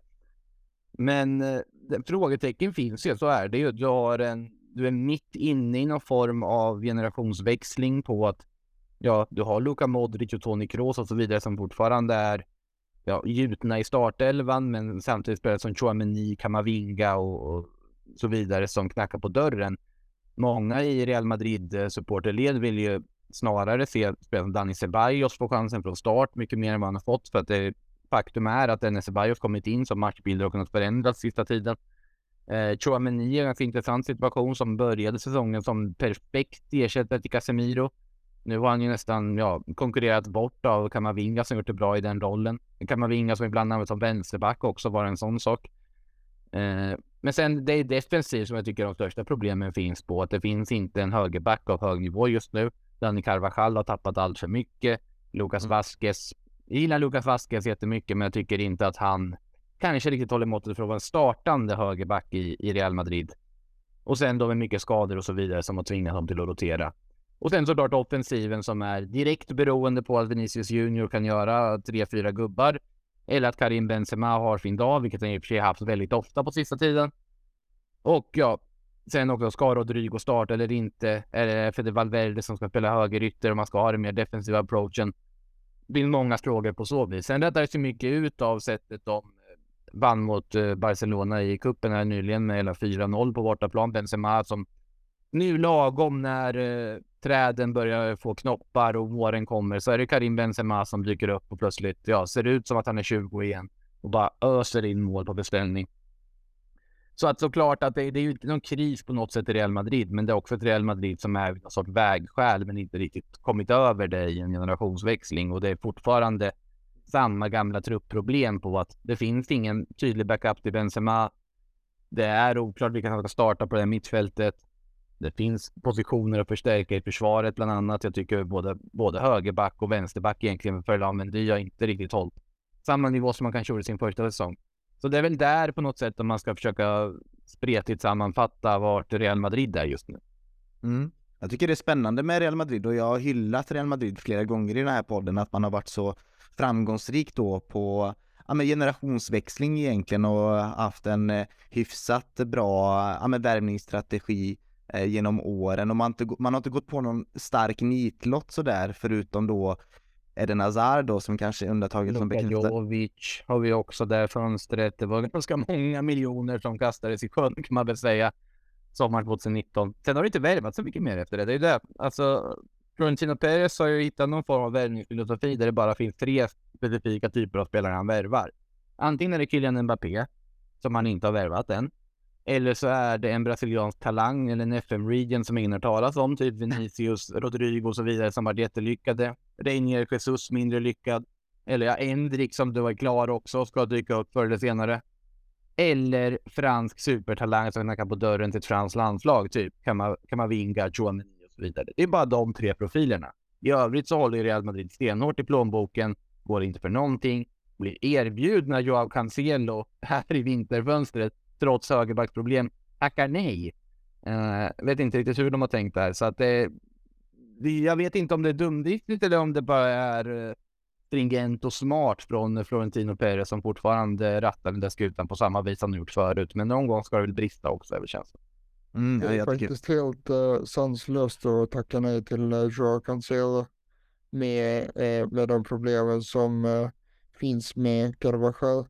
Mm. Jag håller, det är verkligen tycker jag. Sen, sen absolut Cancelo inte varit någon superhit i Bayern och verkar väl inte köpas loss av dem på det här priset som de var överens om tidigare. Det finns ju mycket andra aspekter där, men Real Madrid det är också så här, anledningen till att de mår bra ekonomiskt är ju att man när man värvar så värvar man spelare med ung potential. De värvar, lägger inte stora pengar på Ja, den senaste äldre stjärnan man la stora pengar på är väl Eden Hazard om jag inte minns helt fel. Och det är ganska många år sedan nu. Och det är ju för att de inte har samma ekonomiska förutsättningar som Premier League-klubbarna. Och att Real Madrid är välskötta och mår ganska bra ekonomiskt har enbart att göra med att man faktiskt har hållit i plånboken stenhårt och dessutom sålt för extremt höga summor när, när det har gått att sälja, typ Casemiro. Mm. Och sen eh, vinner man ju också titlar och... Ja, ja det den lilla aspekten också såklart. Ja, så det är, utifrån ser det väldigt eh, välskött ut och den här Alltså när jag tänkte på generationsväxling så tänkte jag väl mer på mittfältet med tanke på Kroos och Modric och jag, mm. jag vill lyfta fram Chouameni och Kamavinga som spelare som jag hade jävligt gärna velat se på vårat mittfält i, i västra London. Men ehm, ja, så jag är väldigt eh, betuttad av Real Madrids värvningsstrategi måste jag ändå säga. Och sen ska vi Jude Bellingham in där också. Det vet vi mm. Eh, som en parentes där gällande Chouameni så är det helt eh, otroligt att vi blev ju faktiskt erbjudna honom eh, säsongen före eh, Real Madrid eh, kom in och värvade honom. Men eh, vår inte så lysande huvudscout eh, Scott McLachlan sa att nej, vi väntar en säsong till och ser, ser hur den utvecklas. Sen gick det ju som det gick. Och den eh, prislappen det pratades om då var ju 40 miljoner euro. Så det är en av de större nitar vi, vi gått på de senaste åren skulle jag säga. Så är det. Men eh, om jag får bara, jag hörde någon debatt här om eh, Kanté, det var väl matchen efter Liverpool egentligen, många var lite chockade, eh, vissa av oss var väl inte det, men många var liksom Wow, han kommer tillbaka efter åtta månaders skada och liksom är så dominant i ett stort, eh, i ett stort publikmöte och är bäst på plan mer eller mindre eh, N'Golo Conte. Eh, enligt mig så hade han ju gått rakt in i vilken elva som helst på, på jorden. Hade han gjort det i, i Real Madrids mittfält? Nej, det säger jag faktiskt. Det, det jag har väldigt svårt att se det för att om vi förutsätter att Kroos och Modric då ska spela, jag tycker jag är väl ändå i den mer ja, vad heter tradition, traditionella follan där som tycker att Modric och Kroos ska spela när de spelar som Modric och Kroos gör nu för tiden. Sen absolut att du kanske ska kasta in Ceballos och så vidare tidigare i matcher. Eh, för att de inte orkar kanske hålla den nivån de har lika länge de är. Men det är just att det behöver ett ankare bakom. Chouameni eller Kamavinga, båda de har ju hanterat ankarrollen ganska väl. Eh, men jag tror inte att Kanté i dagsläget går in och betar dem. Det tror jag inte ändå. Så, så pass mm. högt håller jag både Chouameni och uh, Kamavinga. Det räcker med att se vad Chouameni gjorde för franska landslaget när Olivier Kanté var borta här nu under VM. Han var alldeles briljant eh, i den rollen.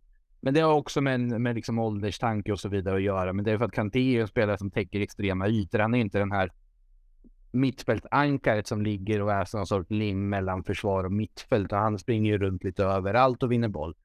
Uh, om det är någon som springer runt lite överallt på en fotbollsplan så är det Luka Modric. För jag ser inte riktigt att de skulle vara kompatibla med varandra. Men vem vet, det hade varit ett väldigt roligt experiment att se om inte annat. Mm. Viktor, hur tolkar du det? Är man inte lite avundsjuk på att en eh, liten eh, eh så här, eh, N'Golo Kanté inte kommer in i en, eh, Makotos eh, mittfält eh, i Real Madrid? Ja, jag tror det finns en diskussion att ha, men samtidigt så med, med tanke på CV på de herrar som ockuperar de befintliga platserna så är det, förstår jag också den, den ståndpunkten och det är ju otroligt att eh, framförallt att Luka Modric eh, håller den nivå han gör fortfarande och det eh, säger någonting, eller man minns ju tillbaka på diskussionerna 2011-12 där när eh, det var otroligt nära att eh, Chelsea skulle plocka honom från, från Spurs. Så att, eh, ja, det, det smärtar lite grann att han har blivit så pass eh, avgörande för, för Real istället. Mm men ändå häftigt att se eh, att Real Madrid trummar på. Men eh, i denna helgen, Makoto, vad hände då? Vad hände med Valverde egentligen? Vad kan du ge lite eh, för vi måste ju leta efter halmstrån här vid Chelsea Fans. Vi måste hitta någonting. Ja, är de sårbara just nu? Eller vad händer i klubben? Eller är det så att efter en förlust så blir de bara extra dominanta när himlen eh, sätts på. Kan du berätta lite om, om helgens match och det, den, det Real Madrid vi kommer eh, möta på, på onsdag? Men som, som jag sa innan så är det ett Real Madrid som är sårbart defensivt, som går att skapa saker mot. Och där tror jag finns en fördel. Det är därför jag säger att jag hade ju stöttat helt om man väljer att starta Mudryk i en sån här match. Mm. Att ge honom chansen att bara gå en mot en mot Carvajal och använda den svagheten eh, som ändå finns i, i Real Madrid. Men han, har, de, han, har ju haft, han har haft det roligt där innan på Santiago Bernabéu. Ja, det är ju en jätteskicklig spelare på så vis. Sen har han inte kommit igång i Chelsea riktigt än, men sen tycker jag att han också ska, man, återigen, tålamod att ge honom mer. Om du har betalat så mycket pengar för honom spela honom så att han faktiskt kommer in i det och kan hitta rätt. För att du har uppenbarligen gjort bedömningen att här är en spelare att satsa på om du betalar de pengarna. Eh, men eh, annars så här, om du, du nämnde ju där efter helgens match, eh, Fede Valverde-historien där som dök upp, den var ju den är ju mer en personlig historia som man har fattat det rätt, eller det som rapporterats i alla fall, där det ska vara någonting som Alex Baena sagt om Fede Valverdes då då ofödda son, vilket ju är helt förkastligt givetvis om det stämmer som Valverde då ska ha väntat in honom på parkeringsplatsen efter matchen och ja, delat ut ett knytnävsslag helt enkelt. Och det där efterspelet pågår ju fortfarande när båda sidor eh, ja, bedyrar sin oskuld i sammanhanget och eh, vi får väl se vad det leder till. Där tror jag i sig tror inte jag någonting som påverkar Real Madrid inför den här matchen. En annan nyckel för Chelsea skulle jag säga är att ligga extra år på Vinicius Junior. Det är ju så enkelt. Få honom i balans så finns det ju. Det finns ju kort att hämta så att säga. Eh, det, det, är väl det som till exempel att Vinicius mådde så bra mot just Liverpool och frodat sig för att han har mött Trent Alexander-Arnold och har kunnat göra mer eller mindre vad han vill på den kanten. Eh, Reece James i och för sig är en spelare som uh, har väldigt stor respekt för och de, de känner varandra överlag också. Eh, men där finns det, där finns en jättespännande match i matchen såklart och det är en eh, ytterback som är högst kapabel att kunna hantera Vinicius Junior. Men det är att stänga ner den kanten är det viktiga. Ha två pers på det om det behövs. Mittfältet, ja, låt inte Modric och Kroos göra det de brukar göra. Det är väl den enkla, enkla lösningen på det och såklart att jag hade garanterat startat Kanté om den, han är tillgänglig till den här matchen. Enzo Fernandes också givetvis såklart att Chelsea kan vinna den mittfältskampen om, om de har en bra dag, för det finns jättemycket potential på det där mittfältet. Men det, det finns alltså individuella strider att vinna för Chelsea mot Real Madrid. Real Madrid är sårbara. De är inte övermäktiga på så vis. Det är många klubbar som har visat att det går att slå dem. Det går att hantera dem. Varenda lag i La Liga har visat det. Eh, mer eller mindre. Så att det är just av den anledningen så känner jag ju att såklart att Chelsea har möjlighet även om Real Madrid är favoriter. För Real Madrid kan också mycket väl leda med 3-0 efter 20 minuter och Karim Benzema har gjort ett hattrick igen. Det är inte mm. otänkbart att vi ser där. Men eh, det kan mycket väl också vara så att det står 2-0 till Chelsea efter 20 minuter. På att Real Madrid-försvaret inte riktigt har eh, varit med på att matchen börjar. Det blir väldigt spännande att se hur, det, hur eh, matchen inleds. Jag tror att de inledande minuterna kommer säga ganska mycket i alla fall i matchen imorgon. Mm. Eh, och alltså det är ändå intressant ändå att höra att när det är eh, två klubbar som befinner sig på två helt olika situationer. Jag känner ganska mycket trygghet kring Real Madrid. Det finns en tro, det finns förtroende, det finns rutin. Eh, och det här kaos-Chelsea då, eh, som vi har pratat om eh, idag och flera gånger innan och vi inte riktigt vet vart vi har dem och vi vet inte riktigt hur de kommer att prestera. Vi var ju taggade inför den här Wolves-matchen och ändå fick vi se kanske säsongens sämsta match och Fredrik, du sa till och med att det kanske den sämsta matchen på flera säsonger till och med du fick se eh, i lördags och ändå känns den här matchen lite oviss, men det är kanske för att vi vill göra den till oviss och sälja in den för oss själva. Men eh, det är klart Viktor att det är Real Madrid som är favoriter. Eh, om inte vi kan eh, utnyttja de här nycklarna då som Makoto eh, Eh, berättar för oss och framförallt det här eh, Rich James och Vinicius Junior, det fastnar jag lite för, för det har ju Rich James visat eh, innan att han kan göra. Precis, ja, nej, men jag tror inte det finns någon så att säga, bevakare som kallar sig, utger sig för att vara neutral, som inte ger Real Madrid fördelen i det här dubbelmötet. Men eh, vi var ju lite oroliga nästan eh, in i höstas när de skulle möta Rafael i Milan och eh, den uppgiften skötte han ju väldigt bra. Mm. Precis, vad är dina direkta förväntningar eh, på matchen? Jag tänkte att vi ska avsluta avsnittet med att eh, berätta hur vi, hur vi supportrar känner för vi leker med tanken att både Conte, eh, Chilwell och kanske till och med Thiago Silva går rakt in eh, tillbaka i en elva. Så ja, då har vi en, då har vi en trupp där, då har vi ett lag där. Ja, och nu är det ju bara foton visserligen, men eh, även eh, Silva, Fofana, Edouard Mendy, Mason Mount eh, har ju då eh, tränat idag i alla fall, så mycket vet vi eh, av bilden att döma.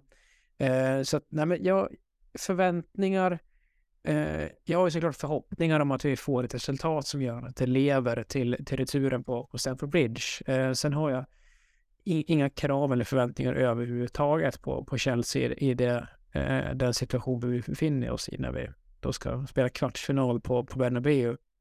Men eh, jag förväntar ju oss att vi eh, gör kamp, att vi gör, vi gör match av det. Eh, och som sagt, nu var det väldigt lite sånt mot uh, Wolves i helgen, men det, det tror jag i alla fall att vi kommer få se. Mm. Tror du det hade varit bättre med eh, Potter eller att sitta med Lampard där på Santiago Bernabéu och Temmes? Eh, du var inte så positiv till hans Champions League-run förut svårt. Uh, Potter gjorde det ju uh, bra i Champions League får man Ja men visst gjorde han det? Han, gjorde han, det. Uh, han vände ju gruppspelet som såg väldigt mörkt ut när han tillträdde och stod för fina prestationer mot Milan och Dortmund. Milan två gånger om. Ja, det är svårt att säga. Vi, vi kommer aldrig aldrig får svaret på hur Potter hade presterat mot, eh, mot Real. Och jag är ju, eh, jag sätter ingen stor tilltro till, eh, till Lampard eh, som taktiker direkt. Det är hans eh, uppenbara svaghet. Men det, det, är, det är så svårt att, att säga vilket eh, Chelsea vi kommer se, för det har varit väldigt mycket Dr. Jekyll och Mr. Hyde. Eh, antingen så kommer vi ut och gör en jävla supermatch och, och vinner med 2-1 eller så ser vi ut som vi gjorde mot Wolves och, och får stryk med 5-0. Eh, jag, jag har absolut ingen aning. För att försöka svara på frågan så nej, jag tror att eh, Potter hade för mycket motvind i det här läget. Så jag tror alltjämt att vi har eh, eh, lite större chans med, med Lampard. Eh, vi får hoppas på att det blir feel good och eh, vibes i den här matchen istället, för det såg vi ingenting av i, i förra matchen, så det är någonting man kan hoppas på i alla fall. Och han har ju, han har ju varit där och gjort det själv som, som spelare.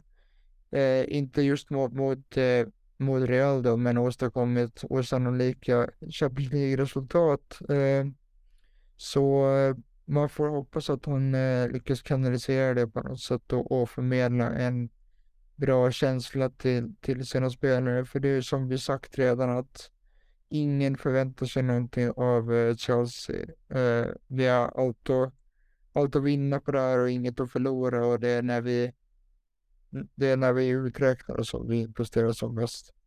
Och därför borde Real Madrid vara livrädda för oss. Um, men eh, kort och gott då, ett eh, resultat som, eh, som vi tror av eh, matchen. Vi, vi börjar med där vi avslutar och det är med Fredrik Temmes. Vad ger med oss ett resultat, kort och gott? Min förhoppning är 1-1. Eh, min eh, förväntan är två eller tre till Real Madrid. Mm. Viktor? Ja, jag sa ju att du skulle ta ett resultat som faktiskt kan, kan spela på i alla fall. Men jag säger att eh, Real segrar med 1-0 då. Mm. Ja, det känns... Eh, ja. Jag, jag säger 0-0. Jag hoppas det blir en 0-0 match. Jag vet inte varför jag hoppas det. Självklart vill jag och hoppas jag att vi ska vinna, men ja, 0-0 match och vi avgör det på Stamford Bridge. Eh, känns, det känns fint. Eh, Makoto, du får äran att avsluta tippet. Ja, nu har jag suttit och sagt att det finns sätt att hota Real Madrid, men samtidigt så är det så att Real Madrid är stor favorit i den här matchen och Chelsea ser ut som de gör. Mitt grundtips här, om jag måste slänga ut resultat, säger jag 3-0. Mm. Och att det punkteras på Bernabéu. Okej, okay. ja men det är bra spridda skurar här och eh, tack för att du håller oss nere på marken Makoto. Och... Med det sagt, om det är någon som kan hålla ner det så är det Reece James, för det är väl den spelaren jag, om jag skulle ta någon från Chelseas elva som gått rakt in i Madrids startelva så är det Reece James i alla fall. Men det har ju ändå lite flörtats lite mellan Reece James och Real Madrid, visst har det det? Ja, det har ju funnits ganska mycket intresse från Real Madrid som man har fattat det och de vill nog väldigt gärna värva honom. Sen verkar han vara väldigt inställd på att spela vidare i Chelsea så den blir nog ganska svår att lösa kan jag tänka mig. Japp, får, han kommer inte spela i vitt. Eh, men eh, hörni, det var allt för idag. Tack Makoto för att du kunde ställa upp idag. Det var jättekul att ha med dig. Tack själva. Mm, och tack till er också grabbar. Tack till dig Viktor. Det känns väl bra det här va? Ja, visst är det det. Det är sagt det, det är ju befriande någonstans att eh, säsongen har gått så dåligt att man kan bara bli positivt överraskad det som återstår. ja, men du är, det är ju det. Vi, det är liksom, vibes är vårat eh, bränsle just nu som får eh, det här supportermotorn att funka. Visst är det så, Fredrik Tennes? Tack för att du var med idag. Ja, men eh, tack själv. Eh, det är precis som du säger, eh, vibes är allt vi har kvar och hoppas på egentligen. Eh, vi, vi hoppas att den här uh, feelgood-faktorn uh, infinner sig och att vi uh, lyckas avsluta den här uh, säsongen snyggt i alla fall så att vi inte behöver gå fullständigt deprimerade in i sommaren. Mm, så är det. Och om ni vill ge oss good vibes också så gör det genom att eh, liksom lämna kommentar på dagens avsnitt, eh, likea det och så absolut eh, ge oss fem stjärnor i den poddappen du använder. Om det är Spotify, Apple Podcast eller Podme eller någon annan av de här apparna som finns. Så eh, gör det snälla så hade vi varit jättetacksamma. Um, och sen kan ni även gå in på vår svenska fans på svenskafans.com snedstreck England snedstreck Chelsea där du kan ta del av matchrapporter, analyser och krönikor skrivna av vår duktiga redaktion på CSS. Um, ehm, och stort tack till dig som har lyssnat. Keep the blue flag flying high.